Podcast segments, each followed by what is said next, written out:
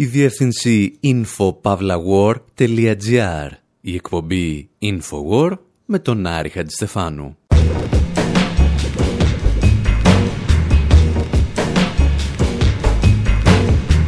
όπου σήμερα ζητάμε τη βοήθεια του Λένιν για να καταλάβουμε γιατί ο Ντόναλτ Τραμπ δεν μας αφήνει να παίρνουμε το λάπτοπ μας στην καμπίνα του αεροπλάνου εάν πετάμε από τη Μέση Ανατολή προς τις Ηνωμένες Πολιτείες. Παρακολουθούμε μια περίεργη γιορτή στο αεροδρόμιο Ελευθέριος Βενιζέλος της Αθήνας και αναρωτιόμαστε εάν έχει κάποια σχέση με τη δολοφονία ενός αρχιδούκα στο Σεράγεβο. Σκεφτόμαστε μήπως στις Ηνωμένες Πολιτείες κυριάρχησαν ολοκληρωτικά τα τραστ και τι σχέση έχει αυτό με το ότι δεν μας δίνουν ούτε ένα σάντουιτς όταν πετάμε.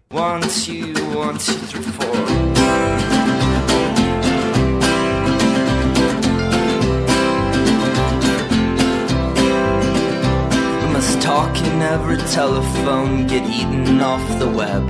Must rip out all the epilogues from the books that we have read. Into the face of every criminal strapped firmly to a chair. We must stare, we must stare, we must stare. Take all of the medicines, too expensive now to sell set fire to the preacher who is promising us hell. Into the ear of every anarchist that sleeps but doesn't dream. We must sing, we must sing, we must sing. It'll go like this, alright. While my mother waters plants, my father loads his gun. Says death will give us back to God, just like the setting sun is return to the lonesome ocean.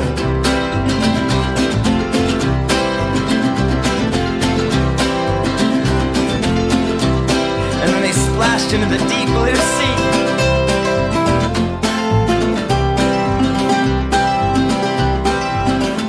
Was a wonderful splash.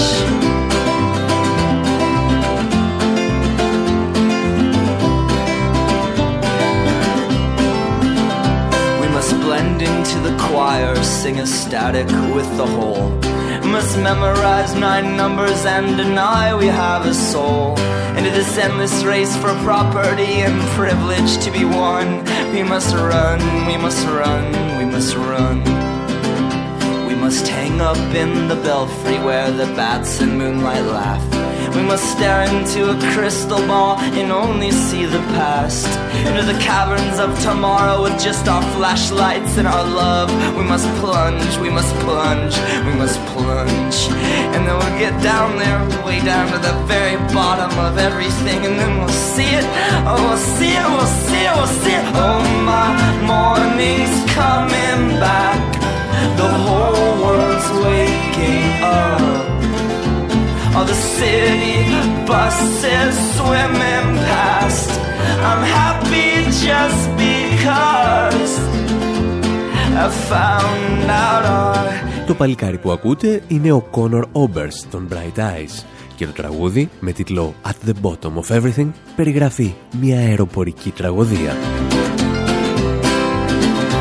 Για την ακρίβεια περιγράφει τα πράγματα που πρέπει να έχεις κάνει στη ζωή σου με δεδομένο ότι ανα πάσα στιγμή θα μπορούσες να πεθάνεις σε ένα αεροπορικό δυστύχημα. Μεταξύ άλλων μαθαίνουμε ότι θα πρέπει να βάλεις φωτιά στους παπάδες που σου υπόσχονται ότι θα πας στην κόλαση και να τραγουδάς λέει στους αναρχικούς που κοιμούνται αλλά δεν ονειρεύονται. Το At the Bottom of Everything περιλαμβάνεται πάντα στα top 10 των τραγουδιών για αεροπορικά δυστυχήματα, γιατί υπάρχουν και τέτοιες λίστες. Εμείς πάλι θελήσαμε με αυτή την αφορμή να σας μιλήσουμε για μια άλλη τραγωδία που κατέληξε σαν φάρσα, χωρίς να σκοτωθεί κανένας. Για την ακρίβεια ξεκίνησε με μια μικρή γιορτή στο αεροδρόμιο Ελευθέριος Βενιζέλος.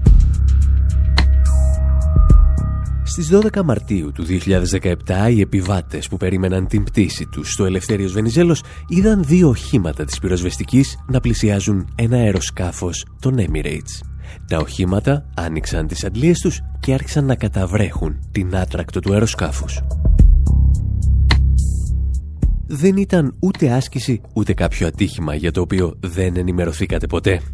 Η υδάτινη αψίδα που δημιουργήθηκε αποτελούσε τον τυπικό χαιρετισμό που γίνεται σε αεροσκάφη όταν εγκαινιάζεται μια νέα γραμμή.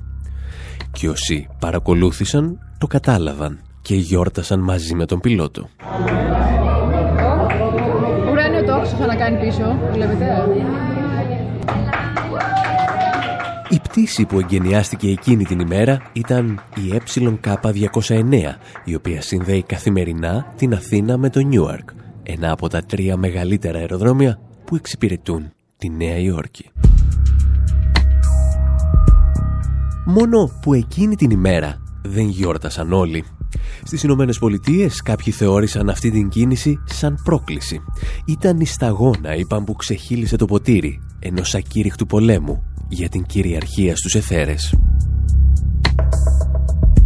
Για την ακρίβεια, οι τρεις μεγαλύτερες αεροπορικές εταιρείες των Ηνωμένων Πολιτειών, η American, η Delta και η United Airlines, άρχισαν να βομβαρδίσουν τα μέσα ενημέρωσης με μηνύματα εναντίον τριών άλλων αεροπορικών εταιριών. Τριών εταιριών που έχουν την έδρα τους στον Περσικό κόλπο. Της Emirates, της Etihad και της Qatar Airways. Το πιο ακριβώς ήταν το πρόβλημά τους, το εξηγούσε τότε το Al Jazeera. The big three US airlines accusing the big three Gulf carriers of unfair competition. Οι τρεις μεγάλες αεροπορικές εταιρείες κατηγορούν τους τρεις αερομεταφορείς του Περσικού κόλπου για αθέμετο ανταγωνισμό. Υποστηρίζουν ότι οι Εμμυράτε, η Κατάρ και η Τιχάντ θα ήταν ανύπαρκτες αν δεν είχαν λάβει 42 δισεκατομμύρια δολάρια από τις κυβερνήσεις τους. Οι τρεις εταιρείες αρνούνται τις κατηγορίες, αλλά οι Αμερικανοί νομοθέτες αντιδρούν και πιέζουν την κυβέρνηση να ακυρώσει συμφωνίες που επιτρέπουν συγκεκριμένες εταιρείες να πετάνε στις ΗΠΑ.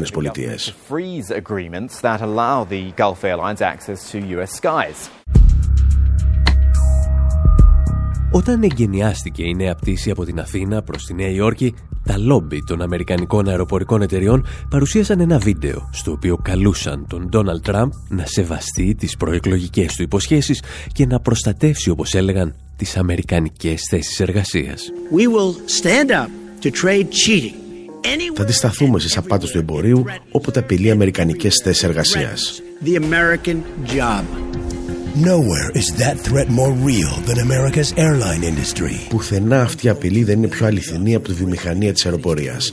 1,2 εκατομμύρια θέσεις κινδυνεύουν γιατί οι εταιρείες της Μέσης Ανατολής ρίχνουν εκατομμύρια δολάρια σε παράνομες ενισχύσεις. Πρόκειται για παραβίαση των εμπορικών συμφωνιών και απειλούν μια ολόκληρη βιομηχανία. Πρόεδρε Τραμπ, οι εργαζόμενοι σε αεροπορικές εταιρείες στηρίζονται σε σένα. America's airline workers are counting on you. Ο Τραμπ ανέλαβε τα καθήκοντά του δύο μόλις ημέρες πριν από τα εγγένεια της νέας γραμμής της Emirates και ένα από τα πρώτα αιτήματα που δέχθηκε ήταν να συναντήσει τους διευθύνοντες συμβούλους των τριών μεγάλων αεροπορικών εταιριών των Ηνωμένων Πολιτειών. Είμαι ενθουσιασμένος που καλωσορίζω τους ηγέτες της αεροπορικής βιομηχανίας στο Λευκό Οίκο. Η βιομηχανία σας στηρίζει τουλάχιστον 10 εκατομμύρια καλοπληρωμένες θέσεις και παράγει ένα τρισεκατομμύριο δολάρια που είναι μεγάλη ιστορία και φανταστικό.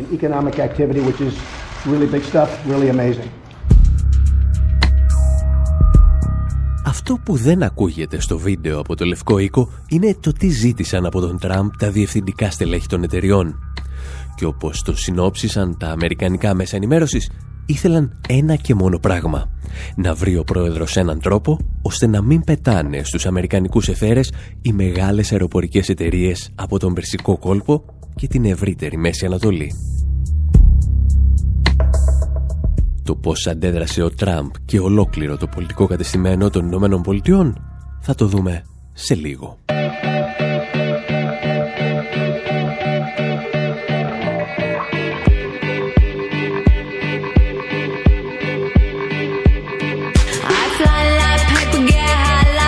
If you catch me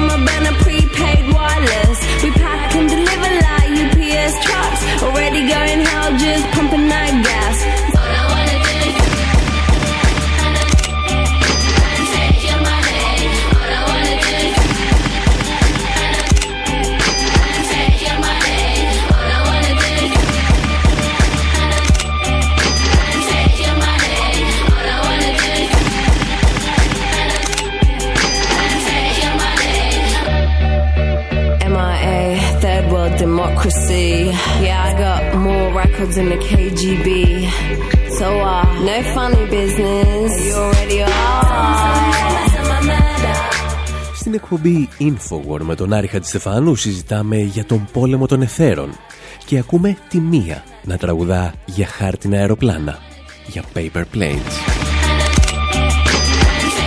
Η μία αναφέρεται μεταξύ άλλων σε ανθρώπους που δεν μπορούν να περάσουν τα σύνορα, αλλά και σε μυστικές υπηρεσίες όπως η CIA. Και τον ίδιο αχτάρμα έκανε στις Ηνωμένες Πολιτείες και ο πρόεδρος Τραμπ. Ουσιαστικά έβαλε τις μυστικές υπηρεσίες να αφήσουν να διαρρεύσει μία ακόμη ανυπόστατη καταγγελία. Ότι οι τρομοκράτες θα χρησιμοποιούσαν, λέει, λάπτοπ και άλλες ηλεκτρονικές συσκευές για να ανατινάξουν αεροπλάνα. Και έτσι, μια ωραία πρωία, ο Αμερικανός πρόεδρος ανακοίνωσε ότι θα απαγορεύεται σε επιβάτες να έχουν στην καμπίνα οποιαδήποτε ηλεκτρονική συσκευή εάν πετάνε στις Ηνωμένες Πολιτείες από τις εξής χώρες την Ιορδανία, την Αίγυπτο, την Τουρκία, τη Σαουδική Αραβία, τα Ηνωμένα Αραβικά Εμμυράτα, το Κουβέιτ, το Μαρόκο και το Κατάρ. Μεταξύ άλλων δηλαδή, πλήττονται οι εταιρείες Emirates, Etihad, Qatar Airways, αλλά και οι τουρκικές αερογραμμές. Το CNN μάλιστα έσπασε το πρόγραμμά του για να ανακοινώσει την είδηση. Breaking news right now, large electronic devices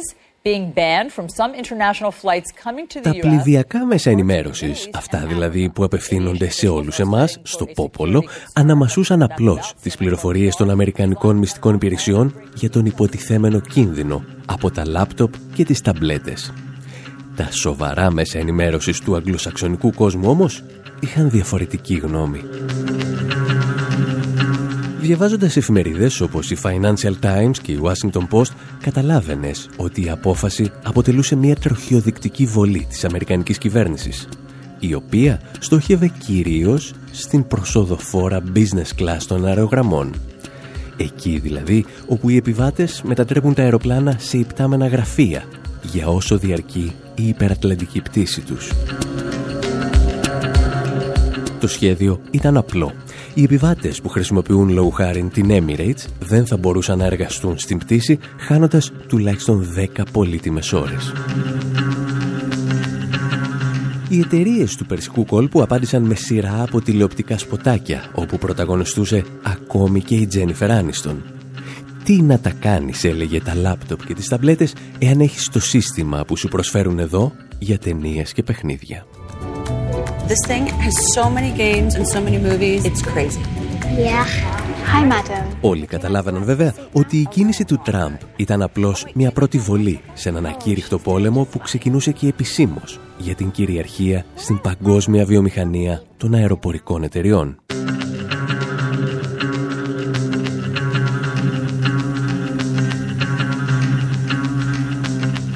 Αρκετοί αναλυτές έσπευσαν να εξηγήσουν με διαφορετικούς τρόπους τα συμφέροντα δισεκατομμυρίων δολαρίων που συμμετείχαν σε αυτή τη μάχη. Από όλες τις αναλύσεις όμως, κατά την ταπεινή μας άποψη, ξεχωρίσαμε μία στο περιοδικό Γιάκομπιν. Οι οικονομολόγοι Σουρές Ναϊντού από το Πανεπιστήμιο Κολούμπια και ο Μάρσαλ Στάιμπαουμ από το Ινστιτούτο Ρούσβελ κατέφυγαν στα γραπτά του Λένιν για να εξηγήσουν την φαινομενικά μόνο παρανοϊκή απόφαση του Τραμπ. Όλα αυτά όμως θα τα εξηγήσουμε στο δεύτερο μέρος της εκπομπής. Θα μιλήσουμε για τον υπεριαλισμό ως το τελευταίο, αλλά όχι αναγκαστικά το ίστατο στάδιο του καπιταλισμού.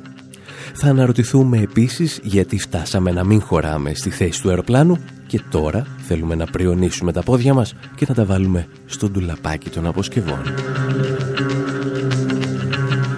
Εσείς πάντως μένετε εδώ και θυμάστε ότι μπορείτε να βρίσκετε όλες αυτές τις ιστορίες στη διευθυνσή info.pavlawar.gr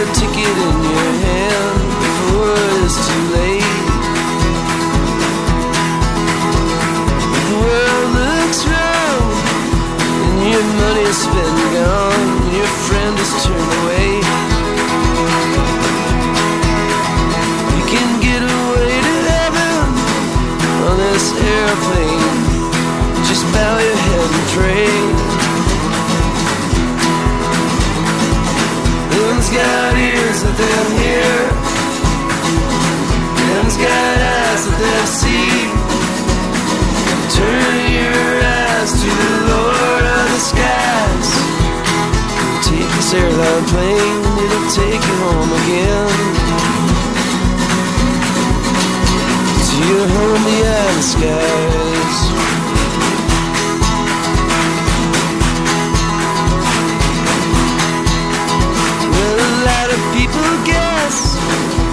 say no and some say yes. We'll take some, leave some behind. But you surely know where the airport go to leave this world behind. A speak, let a preachers preach when you lay their salary on the line. When you hold your head and pray, it's the only earthly way you can fly to heaven on time. You can fly to heaven on time. It's got ears, let them hear.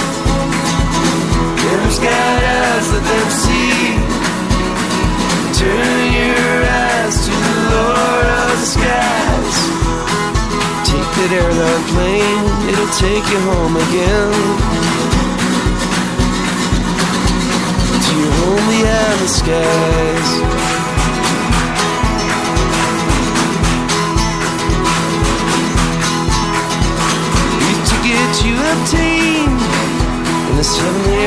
Plane. You leave your sins behind.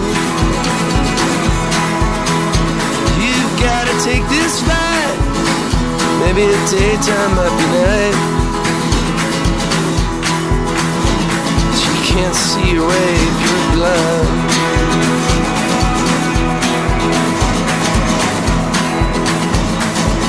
Them's got ears that them hear. That them see. Turn your eyes to the Lord of the skies. Take that airline plane, take you home again.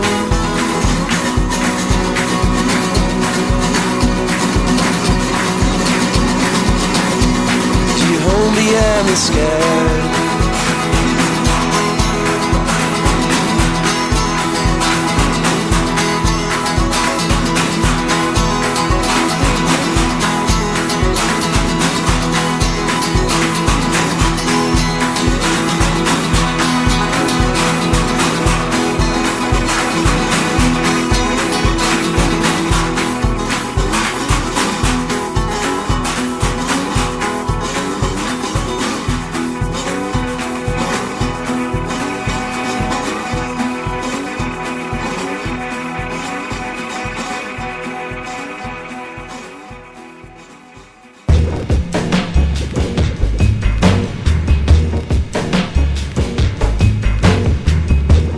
εκπομπή Infowar, μέρος δεύτερο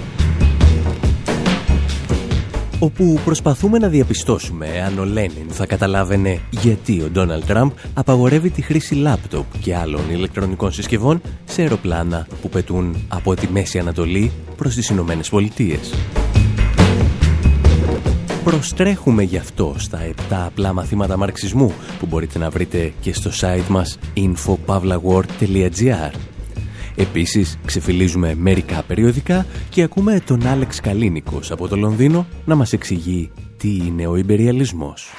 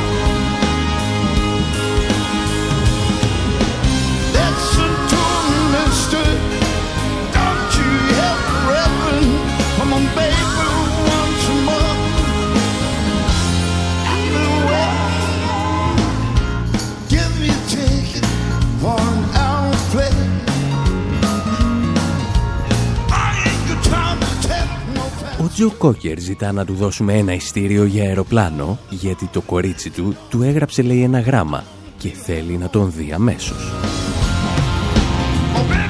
Το οποίο είναι η εύκολη περίπτωση γιατί πρόσφατα ορισμένα στελέχη αμερικανικών επιχειρήσεων που δραστηριοποιούνται στην ευρύτερη Μέση Ανατολή είχαν ένα άλλο σοβαρό πρόβλημα. Δεν μπορούσαν να πετάξουν έχοντας στην καμπίνα το λάπτοπ τους, το τάμπλετ ή οποιαδήποτε ηλεκτρονική συσκευή μεγαλύτερη από κινητό τηλέφωνο. Ουσιαστικά δηλαδή έχαναν μία εργάσιμη ημέρα μένοντας άπραγοι μέσα σε ένα μεταλλικό κλουβί στα 25.000 πόδια. Μόλις ανακοινώθηκε η απόφαση, δύο οικονομολόγοι, ο Σουρές Ναϊντού από το Πανεπιστήμιο Κολούμπια και ο Μάρσαλ Στάινμπαουμ από το Ινστιτούτο Ρούσβελ κατέφυγαν στα γραπτά του Λένιν για να εξηγήσουν την φαινομενικά μόνο παρανοϊκή απόφαση του Τραμπ. Συγκεκριμένα τους ενδιέφεραν οι θέσεις του Ρώσου επαναστάτη για τον υπεριαλισμό ως μια φάση του καπιταλισμού Εκείνη τη στιγμή μάλιστα όπου τα εθνικά μονοπόλια αρχίζουν να ανταγωνίζονται μεταξύ τους χρησιμοποιώντας την πολιτική εξουσία του κράτους για να καταλάβουν μεγαλύτερα μερίδια της παγκόσμιας αγοράς. Πριν φτάσουμε όμως εκεί, θέλουμε να είμαστε σίγουροι ότι καταλαβαίνουμε τον ορισμό του υπεριαλισμού. Γι' αυτό θα ακούσουμε ένα κομμάτι από τα 7 απλά μαθήματα μαρξισμού, τα οποία όπως είπαμε μπορείτε να βρείτε και στη σελίδα μας info.pavlawar.gr Εδώ ο εκπαιδευτικός Βασίλης Λιώσης μας εξηγεί ποιος είναι ο ρόλος των μονοπωλίων στον υπεριαλισμό. Προς το τέλος του 19ου αιώνα και στις αρχές του 20ου πια το μονοπόλιο έχει προβάλει και πλέον το πρώτο στάδιο του καπιταλισμού, το στάδιο του μη μονοπωλιακού καπιταλισμού ή ελεύθερου ανταγωνισμού δίνει τη θέση του στο δεύτερο στάδιο, το μονοπωλιακό στάδιο ή αλλιώς το υπεριαλιστικό. Διάφοροι ε, θεωρητικοί δημοσιολόγοι εκείνης της εποχής, μικροαστοί, αστεί και επαναστάτες, ε, αναλαμβάνουν να αναλύσουν το νέο φαινόμενο. Οι πιο χαρακτηριστικές περιπτώσεις ήταν ο Χίλφερντινγκ, ο Τόμσον, ο Κάουτσκι, ο Μπουχάριν και φυσικά ο, ο Λαφάργκ και φυσικά ο ίδιος ο Λένιν με το γνωστό του έργο. Για να καταλάβουμε πώς αυτές οι θεωρίες θα μας βοηθήσουν να κατανοήσουμε γιατί ο Τραμπ απαγόρευσε τα λάπτοπς στα αεροπλάνα, θα σταθούμε στο έργο δύο θεωρητικών που ακούσαμε, του Χίλφερντι και του Λένιν. Πρώτα όμως θα ακούσουμε τον ορισμό που έδινε ο πατέρας της Ρωσικής Επανάστασης για τον υπεριαλισμό. Ο Λένιν προσπαθώντας, ε, ως μεγάλος θεωρητικός, προσπαθώντας να περιγράψει τη νέα πραγματικότητα, ε, δίνει τρεις ορισμούς για τον υπεριαλισμό. Δίνει καταρχάς έναν ορισμό της μιας γραμμής, πάρα πολύ συμπυκνωμένος, σε ένα ε, υψηλό πεδίο αφαίρεσης, λέγοντας ότι ο υπεριαλισμός είναι ο μονοπωλιακός καπιταλισμός. Ο ίδιος όμως σπέβδει να γράψει μετά από τον πρώτο ορισμό ότι οι πολύ σύντομοι ορισμοί είναι επικίνδυνοι, γιατί μπορεί να δημιουργήσουν παρανοήσεις κτλ. Και έτσι πάει σε έναν αναλυτικότερο, σε ένα δεύτερο ορισμό, την πραγματικότητα τέσσερις παραμέτρους. Οι παράμετροι αυτοί είναι ε, οι εξής. Λέει ότι ο υπεριαλισμός έχει τα εξής χαρακτηριστικά. Πρώτον, το μονοπόλιο εδραιώνει τη θέση του, γίνεται κυρίαρχος στην κεφαλαιοκρατική παραγωγή. Δεύτερον, ότι το βιομηχανικό κεφάλαιο συνενώνεται με το τραπεζικό και φτιάχνει το, ένα νέο, μια νέα μορφή κεφαλαίου, το χρηματιστικό. Ε, τρίτον, ότι η εξαγωγή κεφαλαίου αποκτάει μεγαλύτερη σημασία σε σχέση με την εξαγωγή των εμπορευμάτων πλέον. Και τέταρτον, ότι οι διεθνείς καπιταλιστές ε, συγκροτούν διεθνείς οργανώσεις που μοιράζουν τον κόσμο. Τι συγκρατούμε λοιπόν από αυτόν τον ορισμό για την ιστορία που εξετάζουμε, ότι τα μονοπόλια εδραιώνονται και ότι το βιομηχανικό κεφάλαιο συνενώνεται με το τραπεζικό και έτσι συγκροτούνται διεθνείς συνενώσεις που θέλουν να μοιράσουν τον κόσμο. Υπάρχουν αυτά τα στοιχεία στην ιστορία του Τραμπ ο οποίος απαγόρευσε τα λάπτοπ σε ορισμένες πτήσεις; Απαντήσεις εντός ολίγου.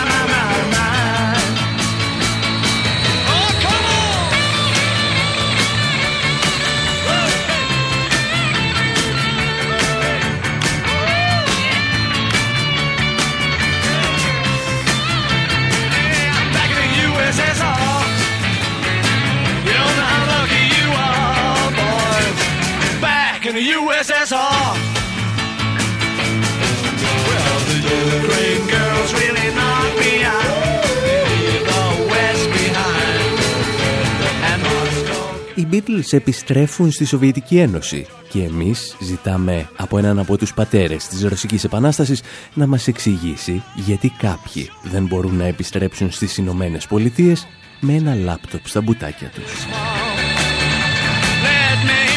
Ακούσαμε τον ορισμό του Λένιν για τον υπεριαλισμό, τα μονοπόλια και επιστρέφουμε τώρα στο κείμενο του Γιάκομπιν που αναζητά αυτά τα μονοπόλια στην Αμερική του Τραμπ. Οι συντάκτες περιγράφουν τις τρεις μεγάλες αεροπορικές εταιρείες των ΗΠΑ σαν ένα σύγχρονο καρτέλ, ένα τραστ, το οποίο ελέγχεται από θεσμικούς επενδυτές όπως είναι τα μεγάλα χρηματοπιστωτικά ιδρύματα και αμοιβαία κεφάλαια και μία λεπτομέρεια που σας ενδιαφέρει. Μία από τις επενδυτικές τράπεζες που ελέγχει τεράστιο αριθμό μετοχών στις αμερικανικές αεροπορικές εταιρείες είναι η BlackRock. Αυτή θα ελέγχει και τα κόκκινα δάνειά σας, αλλά αυτό είναι μια άλλη ιστορία. Η BlackRock έχει έναν διευθύνοντα σύμβουλο, αυτό που στα ελληνικά λέμε CEO, τον Larry Flink, ο οποίος Larry Flink είναι πλέον και σύμβουλος του Αμερικανού Προέδρου Donald Trump. Τι έχουμε λοιπόν εδώ, τη δημιουργία trust αλλά και την πρόσδεση της βιομηχανίας με το τραπεζικό τομέα. Δύο δηλαδή από τα στοιχεία στον ορισμό του Λένιν για τον υπεριαλισμό. Τι συμβαίνει όμως μέσα σε αυτά τα καρτέλ που δημιουργούνται; Στο εσωτερικό δεν υπάρχει πλέον ανταγωνισμός, ο οποίος θεωρητικά τουλάχιστον θα οδηγούσε σε μείωση τιμών και βελτίωση των παρεχόμενων υπηρεσιών. Γι' αυτό το λόγο, στις Ηνωμένες Πολιτείες οι τιμές των εισιτηρίων αυξήθηκαν έως και κατά 11% τα τελευταία χρόνια. Την ίδια στιγμή, περισσότεροι επιβάτες καλούνται να στιβαχτούν σε μικροσκοπικά καθίσματα όπου αποκτούν το λεγόμενο σύνδρομο της οικονομικής θέσης. Και όλα αυτά ενώ κανένας δεν τους δίνει ούτε ένα σαντουιτσάκι ή ένα ποτήρι νερό.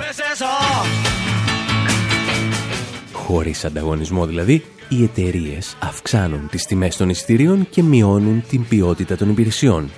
Παράλληλα όμως μπορούν για τους ίδιους λόγους να απολύουν και εργαζόμενους.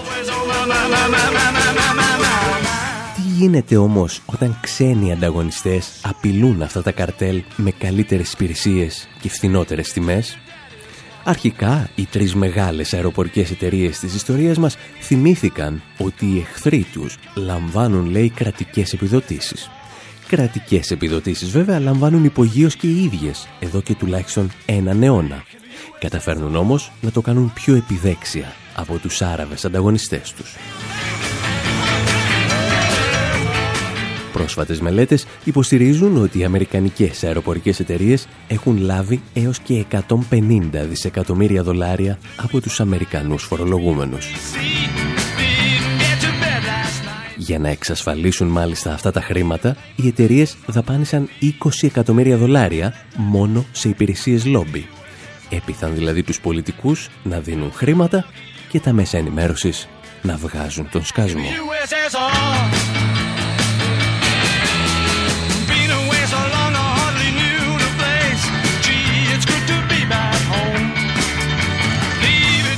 Όταν πάντως διαπιστώνεις ότι το να φωνάζεις για τις κρατικές επιδοτήσεις των άλλων και να κρύβεις τις δικές σου δεν βοηθάει και πολύ, προχωράς στο επόμενο βήμα.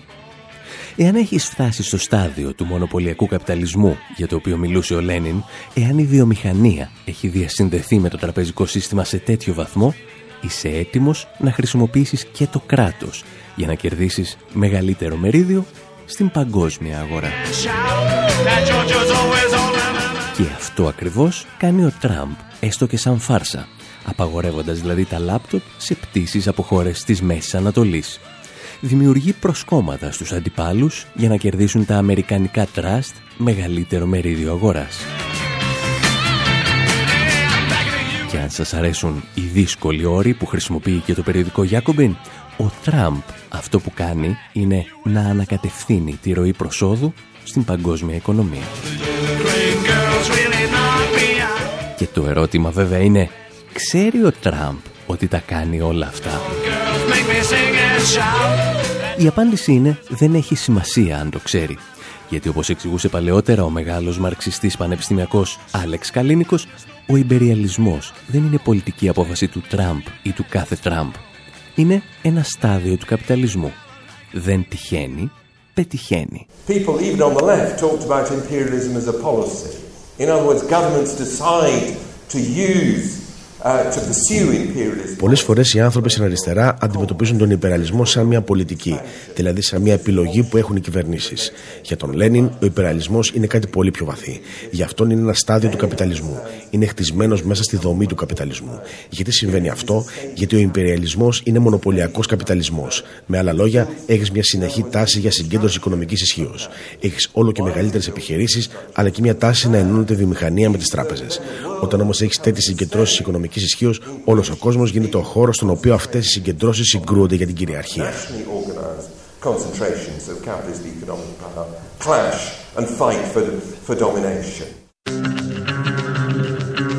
Από αυτές τις συγκρούσεις των συγκεντρώσεων κεφαλαίου προέκυψαν στον 20ο αιώνα και δύο παγκόσμιοι πόλεμοι. Γεγονός που μας θυμίζει και μία άλλη αλήθεια. Ότι αυτή η σύγκρουση είναι αναπόδραστη και όσοι είχαν διαφορετική άποψη απλώς έπεσαν έξω. Είτε λέγονταν κάουτσκι, είτε νέγκρι ή οτιδήποτε άλλο. Μας τα εξηγούσε ο Βασίλης Λιώσης από τα 7 απλά μαθήματα μαρξισμού. Το δεύτερο σημείο που κάνει κριτική στον Κάουτσκι έχει να κάνει με τη θεωρία του Κάουτσκι του ούλτρα ιμπεριαλισμού, όπως έλεγε. Ο ούλτρα ιμπεριαλισμό κατά τον Κάουτσκι ήταν το εξής. Πίστευε, μάλλον υποτιμούσε τις ενδοϊμπεριαλιστικές, ενδοκαπιταλιστικές αντιθέσεις και πίστευε ότι πάμε σε ένα ενιαίο ε, παγκόσμιο καπιταλιστικό τραστ. Σαν τις ανοησίες περίπου που ακούγονταν πριν 15 χρόνια για την παγκοσμιοποίηση. Κάτι αντίστοιχο. Το σύστημα λοιπόν οδηγείται σε σύγκρουση. Άλλωστε και ο Λένιν έγραψε τις θεωρίες του για τον υπεριαλισμό θέλοντας να εξηγήσει τον πρώτο παγκόσμιο πόλεμο. Εμείς δεν είμαστε βέβαια ακόμη σε αυτό το στάδιο. Προς το παρόν βλέπουμε απλώς τον Τραμπ να μας απαγορεύει να πετάμε με τα λάπτοπ μας. Όχι βέβαια γιατί είναι απλώς ρατσιστής, όπως δηλώνουν αφελώς ορισμένοι, αλλά γιατί είναι υπεριαλιστής. Εμείς πάλι την κάνουμε από το στούντιο με ελαφρά πηδηματάκια και δίνουμε ραντεβού για την επόμενη εβδομάδα. Να θυμάστε ότι όλες τις εκπομπές και τα κείμενά μας τα βρίσκεται στη διεύθυνση info.pavlawar.gr Προς το παρόν, από τον Άρη Χατζηστεφάνου στο μικρόφωνο και τον Δημήτρη Σαθόπουλο στην τεχνική επιμέλεια, γεια σας και χαρά σας.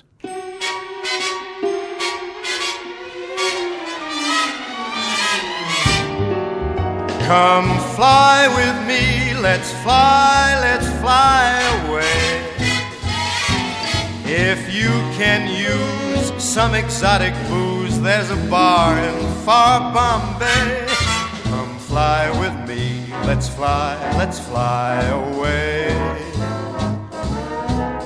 Come fly with me, let's float down to Peru.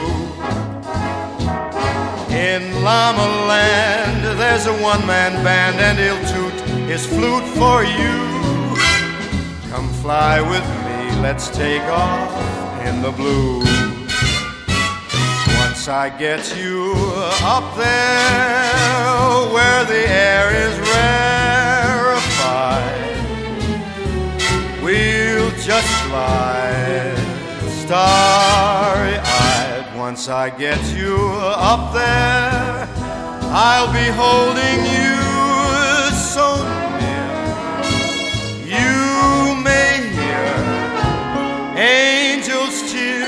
angels cheer, cause we're together Weatherwise, it's such a lovely day. Just say the words and we'll beat the birds down to Acapulco Bay. It's perfect for a flying honeymoon, they say. Come fly with me, let's fly, let's fly away.